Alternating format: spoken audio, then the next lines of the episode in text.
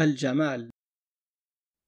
الجمال هو التناسب بين أجزاء الهيئات المركبة سواء أكان ذلك في الماديات أم في المعقولات وفي الحقائق أم الخيالات. ما كان الوجه الجميل جميلا إلا للتناسب بين أجزائه وما كان الصوت الجميل جميلا إلا للتناسب بين نغماته. ولولا التناسب بين حبات العقد ما افتتنت به الحسناء ولولا التناسق في أزهار الروض ما هامت به الشعراء. ليس للتناسب قاعدة مطردة يستطيع الكاتب أن يبنيها فالتناسب في المرئيات غيره في المسموعات وفي الرسوم غيره في الخطوط وفي الشؤون العلمية غيره في القصائد الشعرية على أنه لا حاجة إلى بيانه ما دامت الأذواق السليمة تدرك بفطرتها ما يلائمها فترتاح إليه وما لا يلائمها فتفر منه.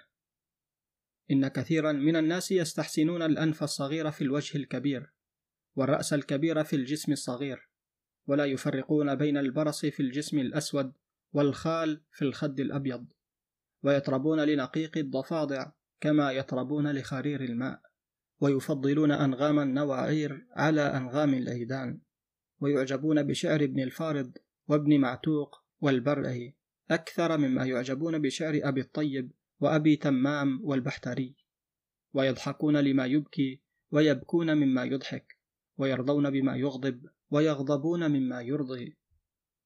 أولئك هم أصحاب الأذواق المريضة وأولئك هم الذين تصدر عنهم أفعالهم وأقوالهم مشوهة غير مناسبة ولا متلائمة لأنهم لم يدركوا سر الجمال فيصدر عنهم ولم تألفه نفوسهم فيصير غريزة من غرائزهم.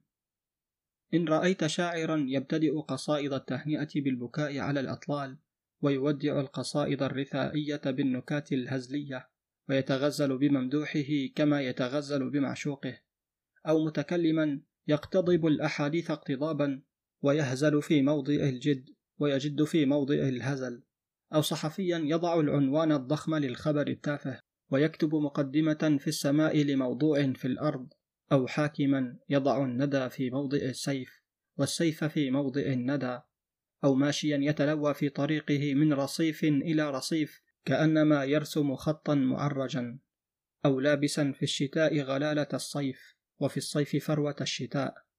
فاعلم أن ذوقه مريض وأنه في حاجة إلى معالجة ذوقه كحاجة المجنون إلى علاج عقله والمريض إلى علاج جسمه. كما أنه ليس كل مجنون يرجى شفاؤه ولا كل مريض يرجى إبلاله. كذلك ليس كل من فسد ذوقه يرجى صلاحه. فإن رأيت من تأمل في صلاحه خيرا وتجد في نفسه استعدادا لتقويم ذوقه فعلاجه أن تحفه بأنواع الجمال وتدأب على تنبيهه على متناسباته ومؤتلفاته. وإن استطعت أن تعلمه فنا من الفنون الجميلة كالشعر والتصوير فافعل. فإنها المقومات للأذواق والغارسات في النفوس ملكات الجمال. من كتاب النظرات لمصطفى لطفي المنفلوطي. قرأه عليكم عبد الباري الطشاني. شاهد أيضا أحد هذه الفيديوهات الظاهرة أمامك على الشاشة.